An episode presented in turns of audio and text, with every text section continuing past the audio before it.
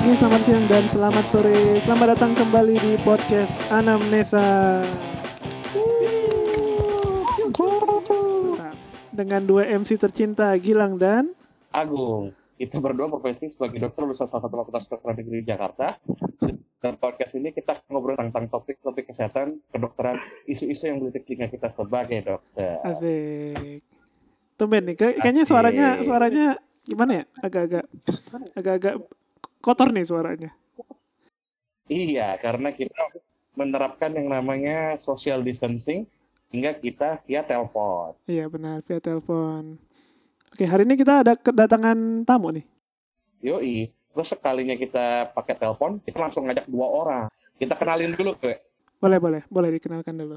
Boleh. Yang pertama ini sesuai abjad aja ya. Ada Dokter Edo. Ya, selamat malam, siang, di Oke, dokter Belum terbiasa deh. ya udah, dokter Edo ini teman kita juga, dokter umum. Saat ini lagi sekolah penyakit dalam ya Iya betul di satu tempat di Indonesia kawan. di Indonesia. Ah, Indonesia. Pulau Rote, Pulau Rote. Enggak. Sumbawa, Sumbawa. Lalu ah, teman kita juga satu lagi namanya dokter Syafiq. Wih, Wih, Dokter Safik. Oh iya, apa kabar dokter Syafiq? alhamdulillah. Alhamdulillah. Selamat pagi, selamat sore, selamat malam semuanya. Oke, makasih Fik. Ya, Syafiq ini dokter umum, dia juga pemerhati kesehatan, terus founder sebuah platform edukasi kesehatan. Oke, Luar biasa. Namanya nggak boleh disebut ya, dokter Syafiq ya? Oh jangan, ini kan kita pribadi saja ya kali ini ya.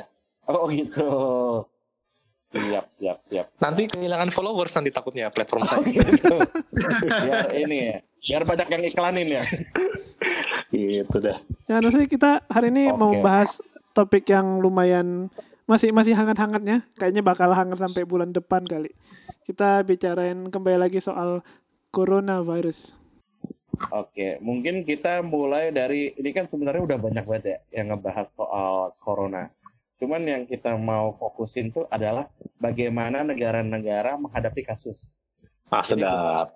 Mentat, Ada mungkin yang seperti kita tahu eh, negara pertama kan Cina ya. Negara pertama Cina, terus kasusnya banyak menyebar hingga sekarang itu yang lumayan menjadi sorotan ada Cina sebagai negara pertama, lalu juga ada Italia sebagai epicenter di Eropa, terus juga yang paling baru itu Amerika. Ya, karena ya ngebeludak tiba-tiba kan. Sudah melebihi Cina. lebih Cina. Oke. Oke. Mungkin ini kalau- ini gimana, ntar, gimana? motong dikit. Kalau mau mulai kayaknya menarik kita bisa bahas soal postingannya Edo nih. Kemarin gue lihat di Instagram dia ngepost soal perbandingan angka di berbagai negara tuh. Hmm, iya. Ada datanya coba ada. datanya datanya. Ah, ini dia. Siap. Oke, kita lanjutkan. Masih Jadi sebenarnya ini juga terpicu dari artikel soal kapasitas kesehatan. Kayak Hmm. kita kan melihat sekarang ini ya semoga tidak terjadi ya, tapi berdasarkan pola-pola yang kita pelajari dan dari negara lain. Kita kan ini masih baru awal ini. Hari ini tanggal 28 Maret diduga kasus ini akan makin banyak minggu depan. Karena em, kumpul-kumpul yang terjadi minggu lalu baru keluar minggu depan. Karena ada masa inkubasinya yang rata-rata 5 sampai 11 hari biasanya baru keluar. Karena minggu lalu itu pemerintah masih belum tegas dan masih banyak yang ngumpul-ngumpul. Kita yang kita takutkan nih minggu depan tuh akan makin ramai nih corona ini. Tidak diharapkan menurun. Apalagi kita lihat hari ini tuh sudah muncul berita-berita yang meresahkan seperti ada orang yang di ambulan nggak dapat dapat rumah sakit rujukan sampai meninggal di ambulan itu kan kita perih ya bacanya ya. parah sih. kayak kita melihat berita itu pasti kita merasa sakit kan ketika ada seorang yang sudah sakit covid banget tapi sudah tiga rumah sakit rujukan masih belum mendapatkan tempat tidur atau rujukan gitu. Sampai akhirnya meninggal di ambulan. Selain kita sedih teman-teman kita atau kita sendiri. Dari sebelum zaman corona pun sebelum membludak ini pasien Jakarta aja udah jor-joran lah ibarat. Sudah kesulitan menghadapi pasien-pasien rutinnya pasien BPJS yang banyak. Dan sistem rujukan yang ada ini sudah hampir penuh lah kapasitas kita. Misalnya nih dari perbandingan yang sudah dipakai saya menggunakan data dari WHO tahun 2015 rasio bed rumah sakit dibandingkan dengan penduduk Indonesia itu hanya 12 bed untuk 10.000 orang. Jika kita bandingkan dengan negara lain kayak Korea Selatan yang paling ekstrim, mereka ada 115 tempat tidur rumah sakit untuk 10.000 orang. Hmm. Indonesia itu satu per sepuluhnya Korea Selatan, sepertiganya Itali, seperempatnya Cina. Jadi rasio bed kita tuh dikit banget. Ketersediaan tempat tidur aja kita dikit banget. Belum kita ngomongin rasio dokter ICU. penduduk. Hmm. Rasio dokter penduduk dulu, Lang. Karena ini yang mengkhawatirkan iya. Emang gimana dok? 10.000 orang penduduk hanya ada empat dokter. Hmm. Ini menggunakan data tahun 2017. Sepersepuluhnya Itali, seperlimanya Cina, setengahnya Iran. Indonesia itu emang sebenarnya kekurangan dokter. Ya mungkin nggak di Jakarta. Tapi kita bayangkan kalau ini sudah tersebar ke daerah yang satu kabupaten hanya ada satu dokter, mengkhawatirkan sebenarnya. Hmm. ICU Indonesia itu masuk salah satu negara dengan ketersediaan ICU yang terendah. Indonesia hanya punya 27 ICU untuk 1 juta orang. Hmm. Sementara kita tahu yang mengkhawatirkan dari corona adalah prevalensi kejadian beratnya cukup tinggi yang membutuhkan ICU. Terutama pada populasi lansia. Betul. Makanya yang Dan terjadi data yang Italia sampai di oper-oper itu tuh. Iya. Di Italia aja yang usia di atas 50 tahun, kebutuhan ruang ICU-nya sampai 25% loh. Kalau ini sampai corona mem- membludaknya menyeramkan. Indonesia punya 27 bed untuk 1 juta. Hong Kong punya 71, Thailand punya 100. Hmm. Ah, 230. Jadi- hampir 10 Ah. kali lipatnya Indonesia. Bener. Kalau yang gua pikir kan emang kita ngomongin soal prospek prospek apa ya? Kapasitas medis Indonesia kan emang kecil banget nih. Terus Iya. menurut gua hal yang penting juga kan berarti kan kita mesti apa eh, mesti analyze sebenarnya gimana caranya supaya kita minimal mem- apa mengecilkan beban pasien karena kalau dibilangin kita mau pencegahan mau pencegahan total udah nggak mungkin lagi karena kita udah di fase di mana penyebaran tuh udah local transmission udah di mana-mana Hmm. Hmm. menurut gua kan Betul. kita mungkin kita bisa bahas soal uh, manajemen diagnostik dibandingin dari Indo sama yang di tempat-tempat lain. Hmm. Kalau kita kan sering baca artikel tuh. Kalau artikel soal rapid test PCR, lo pada ada itu nggak ada ada pandangan nggak di, di bidang situ? Jadi. Mungkin saya persilakan dulu Dr. Syafiq nih. Oke, jadi emang setahu gua di Indonesia ini saat ini kita masih mengandalkan ya, untuk diagnosis itu kita masih mengandalkan yang RT-PCR. Real time reverse transcriptase PCR itu masih jadi andalan untuk menegakkan diagnosis. Nah, kemarin juga ada sempat oh, yang kita apa tuh impor screening yang buat serologi tes itu pada dengar nggak lu? Iya. yang dari yang dari Cina ngambil. Nah, sebenarnya tuh katanya kalau menurut guru-guru kita juga ya, Dokter Elina tuh bilang bahkan bahwa sebenarnya itu nggak efektif untuk kita pakai rapid test dari serologi. Hmm. Nah, jadi sehingga sih yang lebih ideal itu ada lagi namanya bukan rapid test serologi tapi rapid test PCR. Dia PCR cuman untuk orang banyak gitu. Jadi sekali periksa itu bisa mungkin puluhan sampai ratusan dan hanya butuh waktu satu jam. Itu yang lagi mau diusahakan sekarang. Jadi memang sebenarnya untuk diagnostik sendiri kita juga masih agak kesulitan sih rasanya untuk secara massal gitu ya memeriksa. Apalagi kita juga kepulauan, rakyat kita juga banyak, 200 jutaan 270 juta. Jadi memang Ya, itu eh, kenapa? gue juga baru tahu tuh soal soal pemeriksaan PCR ternyata Hmm. yang di luar pulau anggaplah Palembang karena yang gue tahu Palembang Oh, ternyata walaupun dia dicanangkan sebagai lab se- eh, resmi pemeriksaan COVID Hmm. ternyata mereka tuh ngirim sampel ternyata iya iya. Kirim ngirim Kirim ke ke mana? Litbangkes juga kan? Lit, lit, Litbangkes juga. juga kan.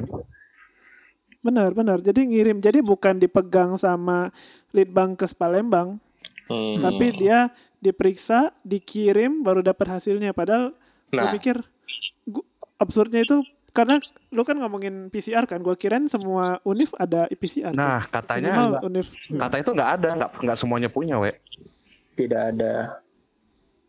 PCR itu Tidak. yang ada cuma empat di Indonesia. di Indo Di Indo cuma empat. Yang maksudnya yang sudah digandeng pemerintah ya.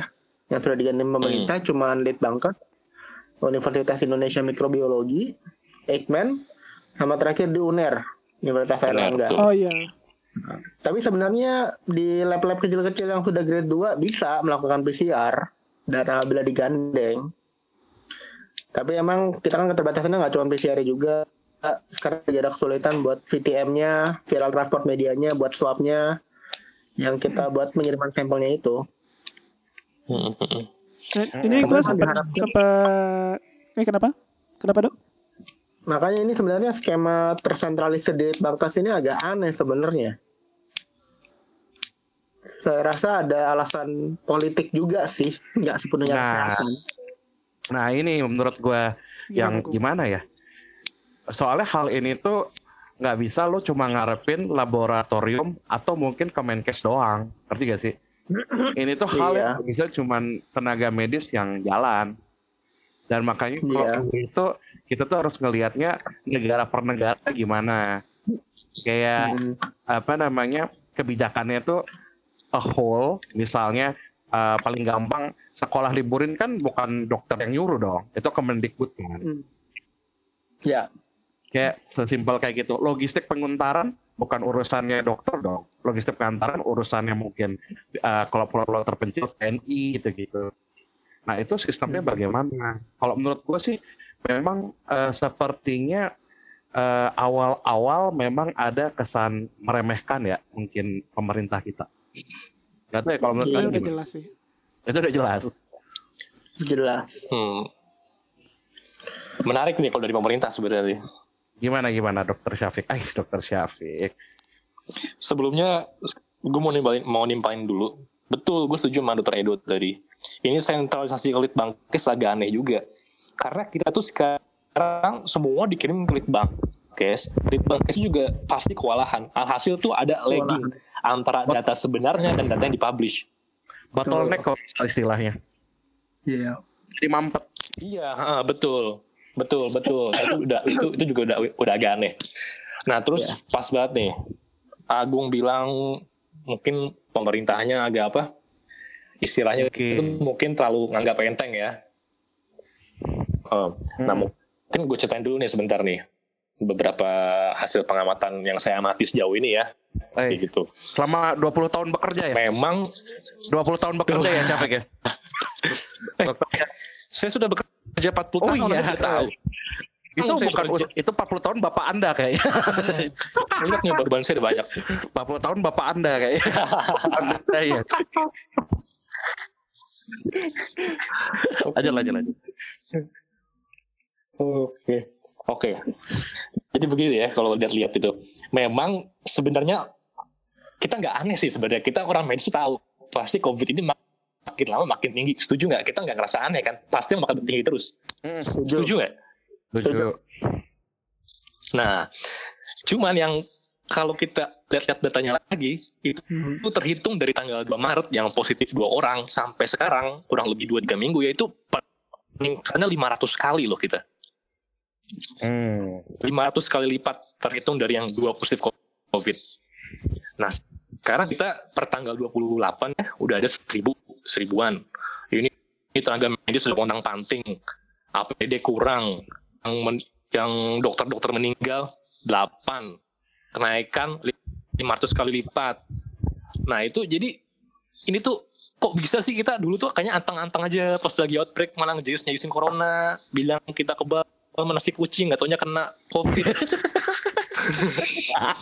Terus satu sampai dua bulan tuh dari outbreak Desember tuh kita ngapain aja? Ini kita nggak pernah tahu. Maksudnya apa yang udah dilakukan pemerintah tuh kita kita nggak tahu. Iya. menterinya nyantai kan? Ini bukan cuma satu menteri loh gitu. Banyak. Gue hitungin mungkin ada ada empat beberapa menteri yang ngomong kayak gitu. Nah itu nggak perlu kasih tahu. Transparansinya kita juga nggak jelas. Jadi yang ada tuh orang-orang malah jumawa hasilnya kayak gitu terus tadi juga gue dari gubernur Jakarta ya bersama podcast mantan pesulap yang Oh, mantan terkenal pesulap. gitu Jangan sebut merek.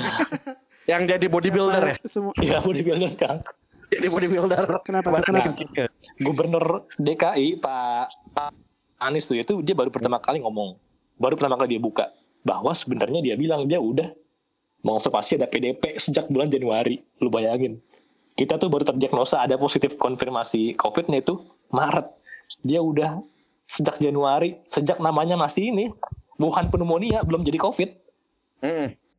itu bahkan katanya udah di Indonesia tuh udah Novel coronavirus. Ngasih kan. Heeh, itu bahkan udah di udah diobservasi gitu. Jadi men ini kita telat banget berarti tahunya positif covid telat banget dua bulan kita baru tahu. Ini nggak tahu entah diumpetin kah atau mungkin kecerobohan dari pemerintah kah? Termasuk yang dari kasus Cianjur yang sempat meninggal Iya. tapi bukan karena covid. Anjing tuh. Iya. Anak Ngentot. istrinya, eh, Astagfirullah. tolong jaga bas. Ketawanya Tapi ini ngomongin ngomongin tatar, Anak tatar. istrinya, Kalau ngomongin iya. soal soal kasus-kasus yang ti- apa ditutup-tutupin gitu. Kalau tadi gue sempat dengar sama Edo yang sebelum kita buka apa buka chat ini kan kayaknya ini emang umum di berbagai negara pada dasarnya pada nutup-nutupin jumlah realnya. Betul, Ya nggak sih, betul. Hal yang lumrah sepertinya ya. Iya. Betul. betul. Iya. Kalau kata WHO nih, ini tuh coronavirus bukan kasus kesehatan, men. Ini Apa tuh, tuh? udah multidisiplin. Hmm. Jadi itu Hmm. alasan kenapa itu tutupin karena ya ekonomi dan politik antar negara. Karena apabila dia tidak ada pneumonia, ekonomi lebih stabil. Misalnya, sih. Oke. Cina ini juga lagi dalam kecurigaan apakah betul dia mortalitasnya serendah itu melihat Italia yang tinggi banget dan Cina sebagai titik pusat awalnya itu kan udah kontroversi itu Hmm. dan kita tahu track record Outbreak. Cina dalam transparansi Outbreak, ya. seperti kayak Tiananmen kayak Tiananmen Square yang pembunuhan massal itu sama yang The Great Famine yang semua dilaporin itu kita tahu dia transparansi sudah buruk lah sebelum-sebelumnya gitu Google belum bisa dibuka Hmm. kan di sana? jadi Masih di belum Cina dulu pernah kan? ada track record belum bisa dibuka dan Iya kan, misalnya nih satu lagi sendiri kan. Jepang Jepang itu dia kan juga mendenial awalnya sekarang dicurigai kasus covid Jepang ini angka yang dikasih sekarang ini nggak sebenarnya alasannya Hmm. adalah karena tadinya Jepang masih mengusahakan Olimpiade Tokyo 2020 Oh, politik sekali, ekonomik sekali. akhirnya Ya. Tokyo 2020 itu dibatalkan barulah dia ngaku bahkan nggak usah jauh-jauh pemerintah kita sendiri aja ngaku kan kalau dia sengaja tidak memberikan transparansi sepenuhnya kata dia Iya. agar tidak menimbulkan kepanikan ya kan Mm-mm. jadi emang Ah ini kalau kalau kalau gue boleh share, ini kan kalau mau dibandingin luar negeri kan ada Itali, ada Korea, Taiwan, dan Singapura ya, kayak dua ujung yang berlawanan. Karena kalau di Itali adalah first case-nya itu kalau gue lansir dari uh, Time ya, jadi ada artikel di Time itu uh, first case-nya adalah tanggal 20 Februari seseorang memeriksa bapak-bapak nih. Nah, Hmm. tapi sebelum first case pada bulan Januari di daerah uh, utara Italia terdapat banyak kasus pneumonia. Hmm. Jadi sebenarnya sudah banyak kasus pneumonia pada bulan Januari, tapi di Februari 20 baru ada yang mau ngecekin gitu dengan positif. hmm, Oh, tuh mirip kayak Jakarta tuh kalau kayak gitu. ya mirip makanya. Makanya banyak orang yang bilang kayak ini kayaknya kita bisa kayak Italia ini. Menuju Itali. Astagfirullahaladzim.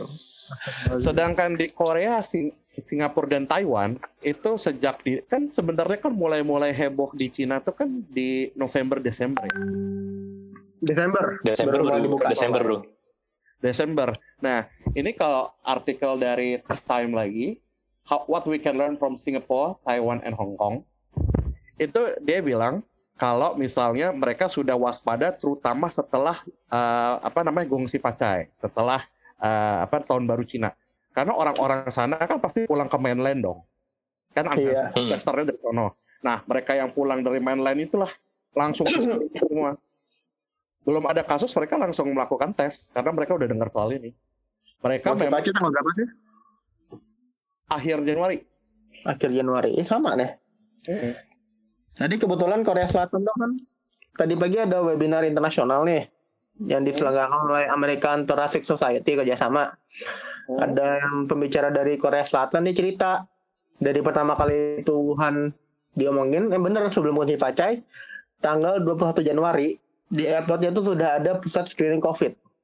Hmm. Jadi sampai 21 Januari sampai dengan 20 Januari itu semua kasus yang ketangkap kasus bandara semua. Hmm, berarti Oh. benar gercep di pintu pintunya ya. Mantap. Iya. Oh, Kenapa dia bisa itu, itu? itu tadi Korea Selatan ya? Korea Selatan. Oh, Warsaw. bagaimana dengan Indonesia? Anda menghina. Di Indonesia ini ya dihujat ya klub dansa dihujat katanya. Di Indonesia kan semua orang boleh masuk karena jadi investor. Iya. Eh, Anda menghina. Nah, nah, Investor. Korea Selatan itu dia mulai booming. Kenapa corona melonjak? Hanya karena satu acara. Namanya adalah Chongji Religious Sekte. Sekte agama Sekte. Chongji. Itu tanggal 17 Februari. Kebetulan ada satu pasien COVID langsung membludak di Korea Selatan. Hmm. Yang pasturnya dijadi apa dikenain tindak apa dikenain hukum pidana kan? Nah, gue kurang Hmm. tahu deh mungkin. Pokoknya pasturnya yang gua tahu kayak meminta maaf secara publik gitu ditemenin presiden Korsel apa gimana gitu. Karena Ya kayak karena dia dia berhubungan maaf sama gitu. kasus pertama-pertamanya kan sebagian besar. Iya. bahayanya sekte itu adalah sekte itu tuh jadi kalau bisa lu nggak boleh ngaku lu anggota sekte itu jadi tracingnya susah Hmm. katanya itu yang bikin Hmm. ribet jadi pesertanya itu banyak tapi eh, ada peraturan lu nggak boleh ngaku lu anggota sekte itu ya namanya sekte kan agak tersembunyi gitu gitulah ya Hmm. Tapi peserta banyak banget katanya Gua gua mau ngomong nih. Kalau kita kan bisa aja spek apa spekulasi soal kenapa kenapa angkanya kecil banget atau kenapa apa kenapa sampai bisa semua negara itu berbohong. Itu sih menurut gua kita bisa diskusi tapi hal yang penting yang mungkin nggak disentuh sama kebanyakan orang itu setelah ini gimana nih? Gua mikir lu pada ada bayangan nggak nanti ini untuk minggu ke depan apa minggu-minggu ke depan nih kondisinya kayak gimana? Misalnya lu bayangan lu aja gitu. Yang Mungkin pertama sih Syafiq bayangan. Oh, silakan Syafiq. oh Edo dulu Gimana nih. Safik dulu? ya Syafiq dulu udah Syafiq dulu ya. Gue dulu. Bayang, ini coba, we, ini bayangan short term atau long term? Long term lah. Jadi sampai apa ini Oh. endpointnya di mana? Dari mulai sini sampai endpoint ini yang lu kebayang gimana? Di Indo ya? Kalau long term ya, oke, gue sempat mungkin ini long term gue bayangin dunia sih. Jadi gue sempat diskusi sama teman gue. Lagi Hmm. ngobrol-ngobrol, tiba-tiba dia dia Sandiaga satu Uno kan begini. Sandiaga Uno Bukan, wah, oh bukan Prabowo pak. Prabowo. oh, oh iya iya Oh. Oh, nah iya, dia tuh iya. dia, dia tuh bilang jadi gue pengen deh suatu saat suatu saat gue bisa bilang lu lagi sakit apa gue cuma sakit covid nih ntar juga sembuh jadi covid tuh mungkin di masa mendatang akan jadi kayak flu biasa aja. Karena satu satu dan lain hal adalah ini kan virus baru. Pasti virus baru juga mungkin akan melemah lah ya dari dari dari ganas banget akan menjinak. Yang kedua vaksin juga emang sekarang udah lagi dibuat. Paling cepat tuh juga setahun gitu ya vaksin jadi tahun depan long termnya. Nah jadi mungkin bisa jadi bisa jadi begini. Jadi suatu saat kalau orang kena corona ya udah mungkin udah kayak batuk pilek biasa. Terus sakit apa corona nih oh ya udah hati-hati ya lu kayak gitu karena mungkin udah banyak yang divaksin atau mungkin penanganannya obatnya udah ada atau mungkin penanganannya lebih baik nah tapi Hmm. gue sendiri nggak tahu ini sampai berapa lama karena peneliti juga itu juga nggak lu tahu sendiri kan nggak ada yang bisa ngasih jaminan sampai kapan berapa lama kayak begini Iya. itu dari gua sih paling Oke, thank you. Kalau dari Edo, Nah, menurut gua nih kalau buat gua sama Syafiq ya long term short long term short term ya. Kalau secara umum sih terlalu banyak yang kita nggak Hmm. ketahuin buat virus ini. Kayak kenapa A sakit berat, A sakit ringan, masih muda, masih tua, itu masih banyak yang kita belum ketahuin. Jadi sebenarnya agak-agak betul unpredictable, apalagi menimbang kayak kemarin dua ming- eh, banyak pasien Cina 10% itu tiba-tiba dia sakit lagi, udah sembuh padahal sebelumnya. Jadi banyak juga sebenarnya yang kita nggak tahu. Mhm. Bahkan dari luar negeri pun masih kontroversial penanganannya. Ada yang bilang kloroquine, ada yang bilang kombinasi PPT Navir itu. Tapi ya emang harapannya kalau udah ada vaksin, long term udah ada vaksin, udah ada pengobatan yang terstandar, penelitian dari situ sudah mulai jadi, ya kita bisa meminimalisir lah COVID ini. Dan kalau short termnya sih, menurut gua sekarang nama permainan adalah mengcontain gitu. Ibarat kita tuh udah colongan, kayak itu udah sepakat lah ya dengan denial kita dan kita tidak melakukan pemeriksaan dengan cepat dan kita nggak siap. Dan sekarang ini pun masih orang pada pulang kampung karena Jakarta sepi. Aduh aduh. Itu tuh lagi bocor gitu. Kita tuh bocoran sekarang. Dan pasti berapa minggu-minggu ke depan ini bakal jadi sesuatu yang menyeramkan buat kita. Cuman menurut gua targetnya adalah menjaga biar ini tidak menjadi lebih buruk. Karena usaha kita sekarang baru akan muncul secara statistik. Mungkin baru tiga minggu lagi. Dua minggunya real lima minggunya lima harinya telat di lead bankes. Iya kan? Data baru lima hari kan? Kandek kandek kandek kita mulai lockdown kita mulai rame-rame lockdown ini dari minggu lalu ini mungkin juga baru terreflect dua minggu lagi. Jadi minggu depan dan dua minggu lagi itu bakal parah banget. Barulah tiga minggu lagi kita mulai bisa agak agak bernafas kalau emang itu efektif gitu yang kita lakukan ini social distancing dan ini. Tapi emang kita juga harus belajar juga dari negara-negara lain. Tadi itu pas lagi webi pas lagi seminar itu ada yang menarik tuh dari Singapura sama Korea Selatan tuh. Hmm. Tau gak sih? Korea Selatan itu dia membuka public GPS jadi kalau misalnya kan dia di handphone ada aplikasi gitu ya aplikasi punya pemerintahan itu yang kita tuh lokasi dilacak di sana wajib install kalau misalnya kita ODP atau PDP itu di peta kelihatan bro di GPS Hmm. jadi dia ngeliat peta itu kayak ngeliat di China sebenarnya kayak di sana ya Mhm. Jadi orang tuh benar-benar sadar kalau ini corona tuh di mana-mana, mana tempat yang aman, mana tempat yang aman dan apakah itu Mhm. orang benar-benar safe karantina atau enggak bisa diisolasi. Kalau misalnya Betul, dia karantina tapi dia lalu lalang jalan-jalan ketahuan jadinya. Yang pertama, Hmm. kalau yang kedua mungkin yang opsi lain yang lebih lax dan sedengarnya gue nih lagi mau diterapkan di Jakarta. Dia namanya track together. Jadi kalau misalnya taruh di handphone, Bluetoothnya nyalain, Hmm. dia ngaku dia ODP atau PDP gitu. Nanti misalnya dekat dia ada orang Bluetooth, jadi dia ngaku di handphone. Di handphone saya ODP atau PDP gitu. Jadi begitu ada orang di jalan gini, ada sekumpulan orang nih dengan handphone masing-masing, dengan Bluetoothnya nyala, pakai aplikasi yang sama, dia mendekat, digetar. Zut, Hati-hati ada PDP sekitar situ. Langsung bubar. Tapi Bluetooth harus nyala. oh Bluetooth harus nyala. Tapi Bluetooth harus nyala. Kapan ini- yang pakai Bluetooth? Kapan Nah ini Bluetooth mau diterapkan. iya dijadiin kewajiban nyalain Bluetooth di aplikasi karena anonim karena anonim ini nggak ada namanya dia cuma tahu kalau dari sana getar ada orang PDP gitu oh gitu anonim Gue nggak setuju sih sejujurnya. Gimana ya? sebenarnya itu kalau- lebih halus. Karena jaraknya tuh 6 meter dia. Jarak Bluetooth maksimal luas nih. Orang tuh nggak tahu misalnya lagi naik kereta gitu. Lagi naik kereta atau ada kayak zzz, denger langsung pakai masker. Kabur kabur. Langsung hati-hati kabur. Juga sih. Tahu-tahu ada orang WhatsApp doang tapi udah udah. Getar getar der, der. oh, misalnya nih misalnya nih oh, cek. lu sebagai lu sebagai ODP nih lu ngaku ODP lu jalan karena pergi lu tinggal pura-pura gila aja kan ikutan lari aja udah aman nggak bakal diperjedis Ya. Kalau gue sih liatnya apa ya? Transparansi data itu ya nggak apa-apa kalau udah di Nah, saat kayak gini. Kalau menurut gue sih. setuju Karena memang ini masalah kecok, tapi pemerintah harus address itu sebagai ya nggak apa-apa. jangan kayak nutup-nutupin gitu loh. Kalau Hmm. perlu tanya aja semua masyarakat, gak apa-apa nggak? Karena sebagai korban pun, maksudnya bukan sebagai korban, sebagai pasien pun, kita juga pasti takut dong untuk nularin orang. Bener sih, Betul. bener banget. Tapi ya kadang-kadang Indonesia itu jahat ya. Kayak Jahat pasien gimana pertama kedua lah contohnya.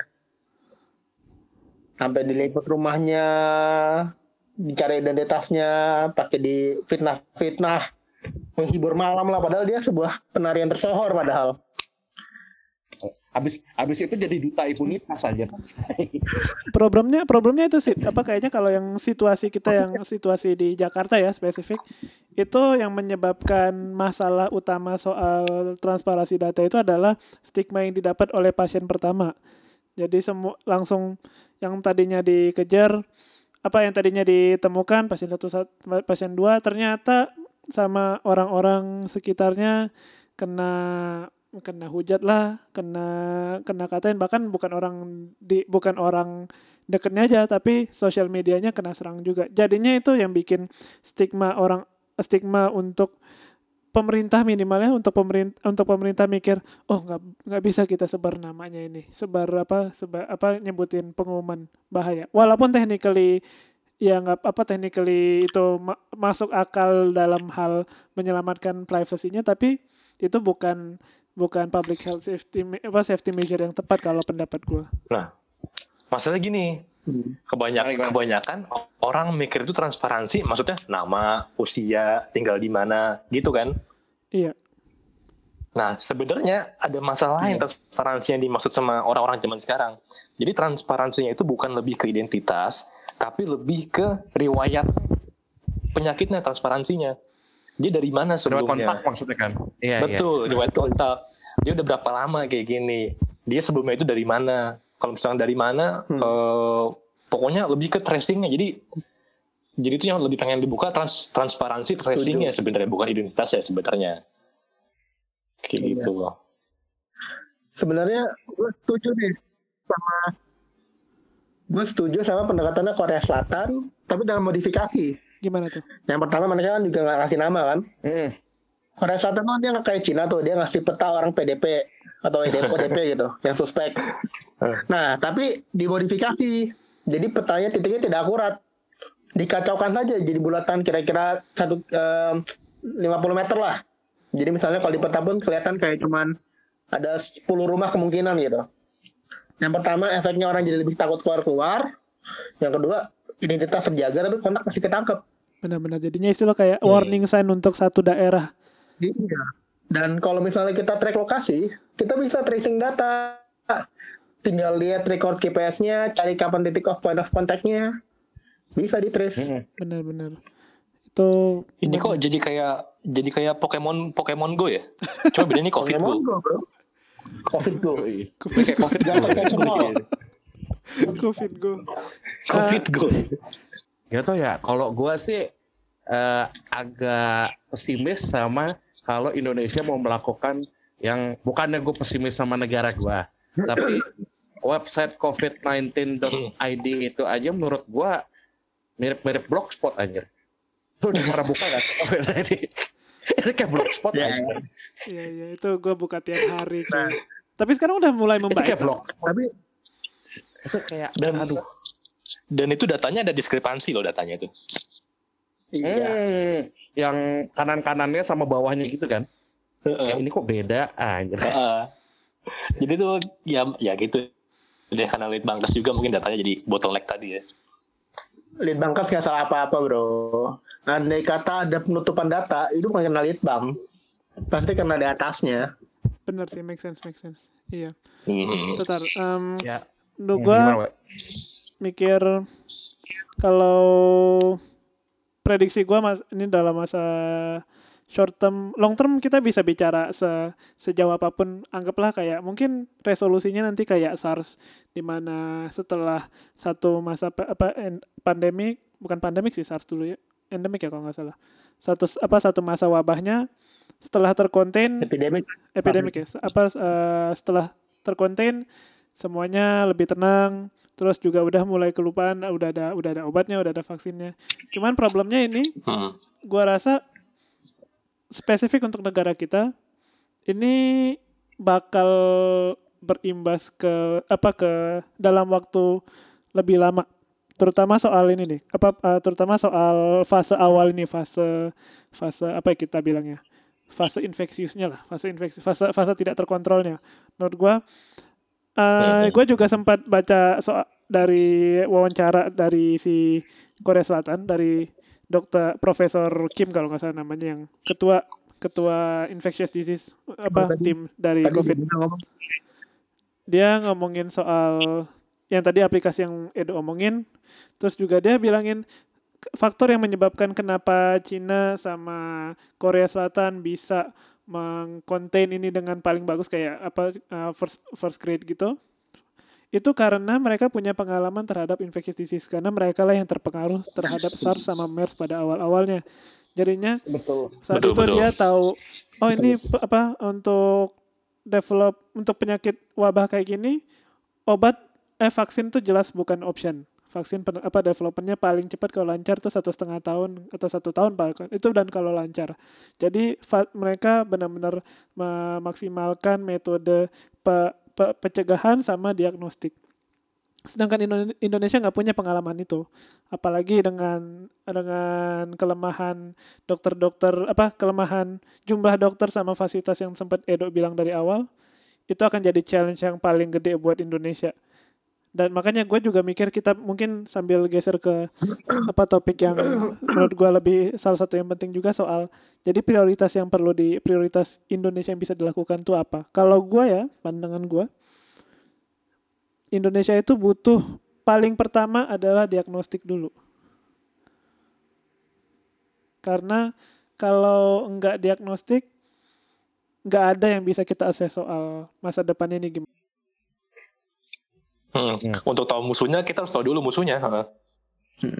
Transparansi berarti ya, diagnostik dan transparansi. Benar. ah, jadi yang kayak masalah utama yang tadi yang dibilangin PCR kita cuman em- empat itu udah fatal banget. Itu sebenarnya itu justru gateway te- apa gateway untuk penanganan kita yang paling pertama dulu. Soal obat, soal vaksin itu bukan hal yang bisa di di apa bukan hal yang bisa kita kejar sebelum diagnostiknya gitu. beres. ah.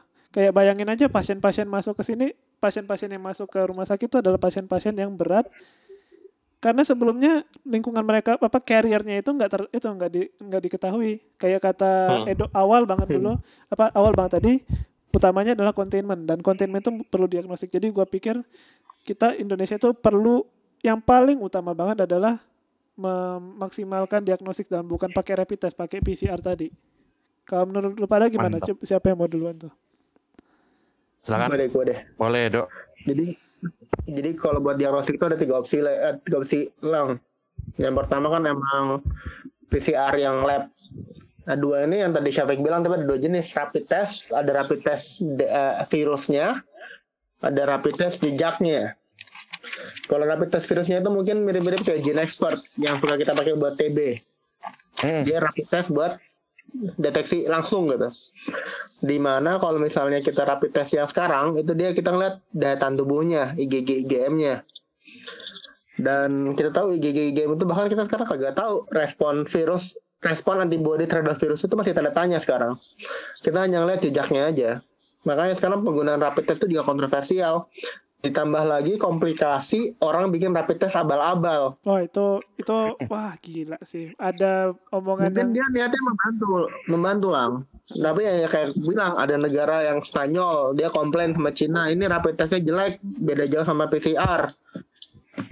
Orang Indonesia aja ada yang perusahaan Indonesia tiba-tiba bikin rapid test buat COVID nggak ada validasi, nggak ada labnya, nggak ada lab sheetnya, websitenya nggak ada, tapi dijual sekarang. Makanya itu nggak secara jelas. underground. Gila itu sih. juga harus hati-hati interpretasinya. Kayak kita mungkin sempat komplain ya kayak ada orang jualan rapid test maaf nggak boleh karena dikaji sama Depkes dulu. Kita kayak oh ini lama nih lama nih. Kita mesti cacat butuh waktu. Tapi ternyata banyak rapid test abal-abal. Orang yang ngambil kesempatan dalam keuntungan. Niatnya sih membantu cuman lebih karena ignorance lah ketidaktahuan lah daripada niat jahat Oke. Thank you, thank you, Dok. Kalau dari Syafiq gimana? Apa nih? apa ya prioritas utama yang sebenarnya kita mesti kejar Jadi gini, sebenarnya tentu diagnosis itu penting karena kan untuk melawan virus kita harus tahu yang ngebawa virus ini siapa. Kita harus tahu musuhnya kan. Jadi emang penting diagnosisnya. Yang kedua, containment. Nah, kalau kita ngomong containment nih, kita seru banget deh. Ini bisa nyambung-nyambung ke lockdown. Cuman, cuman perlu gua kasih tau adalah di Indonesia itu nggak ada istilah lockdown, adanya karantina. Jadi kita undang-undang mungkin- Udah Betul. baca undang-undang Memang ya. adanya karantina. Cuman kalau disinonimkan ya istilahnya ya mirip-mirip lah lockdown sama karantina, lock, total lockdown atau partial lockdown. Nah itu lockdown ini sampai sekarang nih masih jadi perdebatan karena ini bukan gue yang ngomong ya. Ini kan kita sebenarnya krisis kesehatan. Krisis kesehatan yang mengarah imbasnya ke ekonomi. Jadi Betul. kalau misalkan kesehatannya ini nggak kita istilahnya nggak kita modifikasi, nggak kita otak-atik, ini akan merambat terus ke ekonomi. Nah sementara guru besar kita nih ada Prof Ari, terus ada Prof Siti Setiati itu juga bilang bahwa ini nggak bisa, ini harus di harus ada karantina. Mereka udah bilang kayak gitu loh. Terus kita mau ngomong apa lagi? Pemerintah ya ini ahlinya udah ngomong, ahlinya udah ngomong tim pemerintah mau jalanin apa enggak.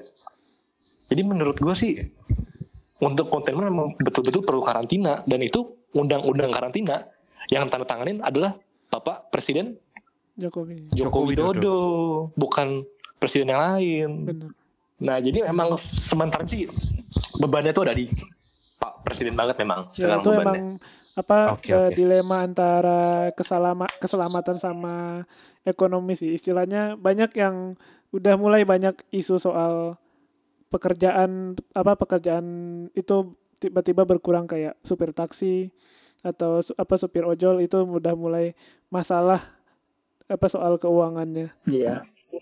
Ekonomi. apa namanya? Kalau gue boleh priori ini eh, tambahin, kan sebenarnya kan apa namanya eh, Pak Jokowi sudah membuat gugus tugas gitu kan, kayak Hmm. ada semacam eh, eh, kepala BNPB menjadi kepalanya kan untuk eh, satgas corona gitu kan, Iya. ya kan? Cuma kalau gue lihat eh, kebijakannya itu tidak diterapkan di semua daerah. Menurut gue Hmm. sih kebijakannya masih kayak semacam oke ini guideline-nya tuh kayak gini. Tapi tiap daerah bisa menerapkannya beda-beda dan itu sesuai kemampuan daerahnya. Menurut gua itu me- menimbulkan apa ya? Ya misalnya daerah A bagus, tapi habis itu daerah B jelek, daerah penduduk daerah B bisa aja ke A habis itu. Padahal sementara kita mau stopnya itu satu negara loh, bukan Jakarta doang, bukan Betul, Jawa Barat betul. doang, bukan Jawa Tengah doang. Makanya gue jujur kalau mau ekstrim ya, gue kurang setuju kalau misalnya data daerah dan data pusat beda. Itu sesimpel itu aja deh. Si Ja- Jakarta punya pus- eh, da- data apa, Jawa Barat punya data apa, tapi pusat datanya beda. Itu karena apa? Karena itu hanya menimbulkan distrust ke pemerintah. Distrust ke pemerintah hanya menyebabkan rakyatnya juga rada-rada nggak percaya sama apa yang dibilang pemerintah. Karena Yang ada panik ya. Nah iya, yang ada juga misalnya dibilang social distancing. Social distancing itu bukan bukan him- bukan apa ya, bukan perintah kayak karantina. Itu himbauan. Ya orang masih bisa seenak jidat Betul betul setuju ngapain. Makanya mau- menurut gua prioritasnya itu bukanlah eh, ya maksudnya diagnostik ya, lockdown iya. Tapi menurut gua prioritasnya adalah udah deh pemerintah pusat pemerintah da- daerah satu visi dulu deh. Gak usah aneh-aneh dulu. Kalau misal satu visi kebijakannya mau apa aja terserah lo. Yang penting kebijakannya satu. jadi gitu. emang kalau ini enggak take apa take, Ah. take dari lu kan berarti perlu ada kesamaan persepsi kesamaan gerakan terserah lo mau pakai ini kursi politik kayak mau apa tapi yang penting satu visi dulu aja jangan ada bapak A bilangnya ini bapak J bilangnya enggak kan aneh gitu aja Intinya kan dua kan sebenarnya. Yang pertama gimana cara kita lockdown, yang kedua gimana cara lockdown itu tidak misalnya membuat rakyat tersiksa lah ibaratnya. Nah, Harusnya itu dicari tahu gimana caranya bisa memberikan makanan yang adekuat buat warga-warga yang kerja harian yang memang lagi kesulitan. Karena ini kalau gini terus ya nggak kelar-kelar kita social distancing, nggak kelar-kelar kita work from home. Mhm. betul Benar, benar itu itu benar banget. Kayak kata lo Dok, soal ini masalah multidisiplin gak bisa Hmm. ditackle sama tenaga medis saja. Ini semua otak cemerlang Indonesia itu perlu menghadapi ini soal pemikiran ekonomi, soal pemikiran apa sosial, pengi- apa pemikiran politik mesti satu jalan semua. Betul. Karena ya pasti kalau ditanya apakah lockdown itu perlu, perlu. Kenapa perlu lockdown? Karena kayak sekarang nih kalau sampai gue ngebayangin teman-teman yang ada di daerah nggak ada CPAP, nggak ada venti, ya orang COVID ya nular nular aja udah dan nggak ada nggak ada nggak bisa berikhtiar juga. Jangan sampai lah kayak korban tuh jadi banyak banget. Dan misalnya kita mau subsidi silang juga mau bayarin orang buat lockdown juga udah terlambat gitu. Kayak kita cuma ada dua opsi. Lockdown dengan segala konsekuensi ekonomi yang ditalangin kalau perlu APBD dialihkan gimana lah caranya buat ngasih makan orang yang perlu. Atau yang kedua kita pasrah. Indonesia bakal jadi pusat COVID dunia yang orang Indonesia bakal nularin ke mana-mana. Hmm. Ya, apalagi negara dengan salah satu jumlah penduduk paling tinggi. dan kepulauan Mungkin Syafiq, dan orang pada mudik lagi Mungkin Syafiq udah baca undang-undang karantina itu ya, Fik ya? Wah itu gue baca cuman yang poin berapa gitu lupa sih gue, cuma dikit buat gue baca. Sebenarnya sih kan tadi Edo mention kalau misalnya di lockdown, misalnya kebutuhan ekonominya bagaimana. Kalau Hmm. di undang-undang itu sebenarnya udah ditertulis jika adanya karantina, Pemerintah pusat pemenuhan kebutuhan, iya pemenuhan kebutuhan makanan ataupun bahan ternak, maksudnya bahan ternak yang bisa buat jadi bahan makanan itu Ah. ada kepentingan pemerintah pusat. Nah, cuman menurut gue ya, kalau misalkan disuruh suzon, suzon maksudnya berburuk sangka lah. Kenapa sih kok sampai sekarang masih belum ada karantina? Menurut gue sih ya, sekalinya ada karantina, pemerintah pusat itu bebannya banyak banget. Karena kita banyak orang-orang miskin. Betul. Itu bebannya tuh pasti, wah, waduh. Mereka juga, kalau kalau bisa, kalau kalau nggak mau karantina ya jangan karantina. Tapi masalahnya nggak mungkin penyakit ini guru-guru besar juga udah bilang karantina mau nggak mau gitu. Jadi emang ada dilema sebenarnya. Dilema betul. Namanya. Nah, Oh. susah- susahnya itu sih emang. Kalau ya kita mesti nunggu aja sih ini. Yang kita bisa yang kita bisa usahain cuman komen terus apa saran sama juga berjuang di garda depan supaya bisa bantu ngurangin pasien pasien apa penderitaan penderitaan pasien. Kalau misalnya soal yang lebih dalam soal ekonomi politik itu mau nggak mau kita mesti berserah apa kepada tim istilahnya pembuat peraturan.